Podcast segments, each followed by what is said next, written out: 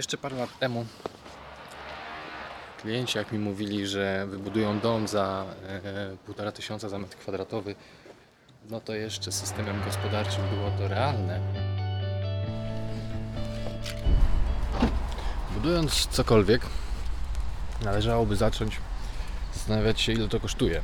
W związku z czym jakąkolwiek budowę rozpoczynamy od y, wyceny, od kosztorysu. Jeżeli mamy domek jednorodzinny, jakiś według jakiegoś projektu gotowego, to sprawa jest bardzo prosta, ponieważ wtedy, e, wtedy kupujemy razem z projektem gotowym kosztorys inwestorski, no, od 200 zł można kupić i mamy wszystkie, wszystkie ceny. Wiemy ile to powinno mniej więcej kosztować, wiemy jak wyceniać, mm, jakie wyceny powinny do nas spływać, jakie oferty od y, wykonawców, albo jeżeli zlecimy to generalnemu wykonawcy, jaka łączna wartość. I dzięki temu mogą powstać takie sobie domki. Kolejne pole może być zabudowane. Więc zastanówcie się dokładnie, ile co powinno kosztować i według tego działajcie. Oczywiście w przypadku, kiedy nie korzystamy z projektu gotowego, musimy ten, tą wycenę stworzyć. No taki, taki kosztorys indywidualny, to ja bym szacował, że to będzie od 500 do 2000 zł. Wiecie, jadę sobie do pracy tu i ówdzie, zatrzymuję się, żeby nagrać cokolwiek, żeby było trochę ciekawsze, nie takie monotonne, że siedzę tylko w gabinecie i mówię to. Wszędzie jest głośno. Tam jeszcze budują, hałasują. Przyjechałem tu na odbiór poprawkowy. Tam jakaś ruchliwa ulica. Wcześniej się gdzieś zatrzymałem, to teraz jest cisza. Więc mm, przy zwykłym, przy budynku e, indywidualnym i zamówieniu kosztorysu indywidualnego ta cena jest trochę odstraszająca. Ja rozumiem, że większość inwestorów woli to sobie tak oszacować, e, ponieważ zlecenie tego kosztorysantowi, no to myślę, że to jest tak 500 do 2000 zł w zależności od wielkości budynku, od stopnia skomplikowania i od zakresu, jaki tam ma być. Czy będzie przedmiar, e, czy to ma być tylko przedmiar, a ceny sobie sami podstawimy. Mm, to jest problematyczne. E, Ja aktualnie kończę taki e, przedmiar, w zasadzie miał być kosztorys inwestorski, skończyło się na przedmiarze właśnie ze względu na ceny. E, Kilku budynków, to będzie osiedle z budynków bliźniaka. Wszędzie są komary, a teraz jest, dzisiaj jest chłodny dzień, to wyleciały wszędzie. Na szczęście jest alternatywa, można taki kosztorys bardzo prosto stworzyć samemu. Trzeba tylko No, więc możecie zrobić e, kosztorys, zakupić sobie razem z projektem gotowym, albo zrobić sobie e, do projektu od podstaw, co oczywiście jest trzy razy droższe.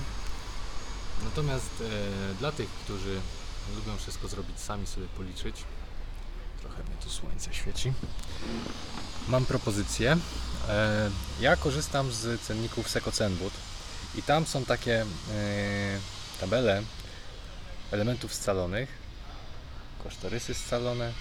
Wrzucę tutaj gdzieś to zaraz. I one mm, pozwalają dość dokładnie oszacować koszt inwestycji. W zasadzie na tyle dokładnie, że równie dobrze możecie wykorzystać e, starą, dobrą zasadę, mm, że metr kwadratowy budowy domu kosztuje 3,5 tysiąca złotych. Tak kiedyś mi powiedział jeden kosztorysant, przyjmij 4000 i na pewno będziesz miał zapas. Eee, czy to jest prawda? Niestety tak. No. Mm, jeszcze parę lat temu klienci jak mi mówili, że wybudują dom za e, półtora tysiąca za metr kwadratowy, no to jeszcze systemem gospodarczym było to realne. Natomiast dzisiaj, dzisiaj jest to już nierealne. Jeszcze systemem zleconym generalny wykonawca, żeby się w ogóle tym nie zajmować, to 3,5-4 tysiące to jest realna cena. No dobra, to w takim razie skoro wiesz ile to kosztuje, to teraz zastanówmy się, e, kto Ci to może zrobić, nie? Kto będzie chciał za tyle, co sobie policzyłeś, to wybudować. No i w ten sposób dochodzimy do wykonawców i generalnie mówi się, że jak zbierzesz trzy oferty, no to masz jakiś obraz tego, jak to może kosztować, ile to może kosztować. Ja wychodzę z założenia, że jeżeli to ma być budowane dla Ciebie, to weź 10 ofert eee, i wybierz najrozsądniejszą. Jak?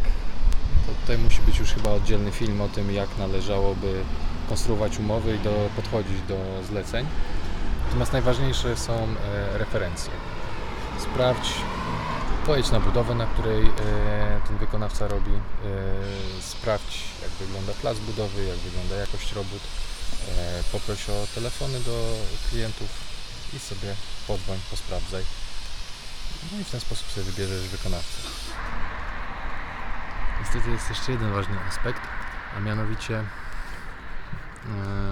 to wykonawcy dyktują zasady gry dzisiaj.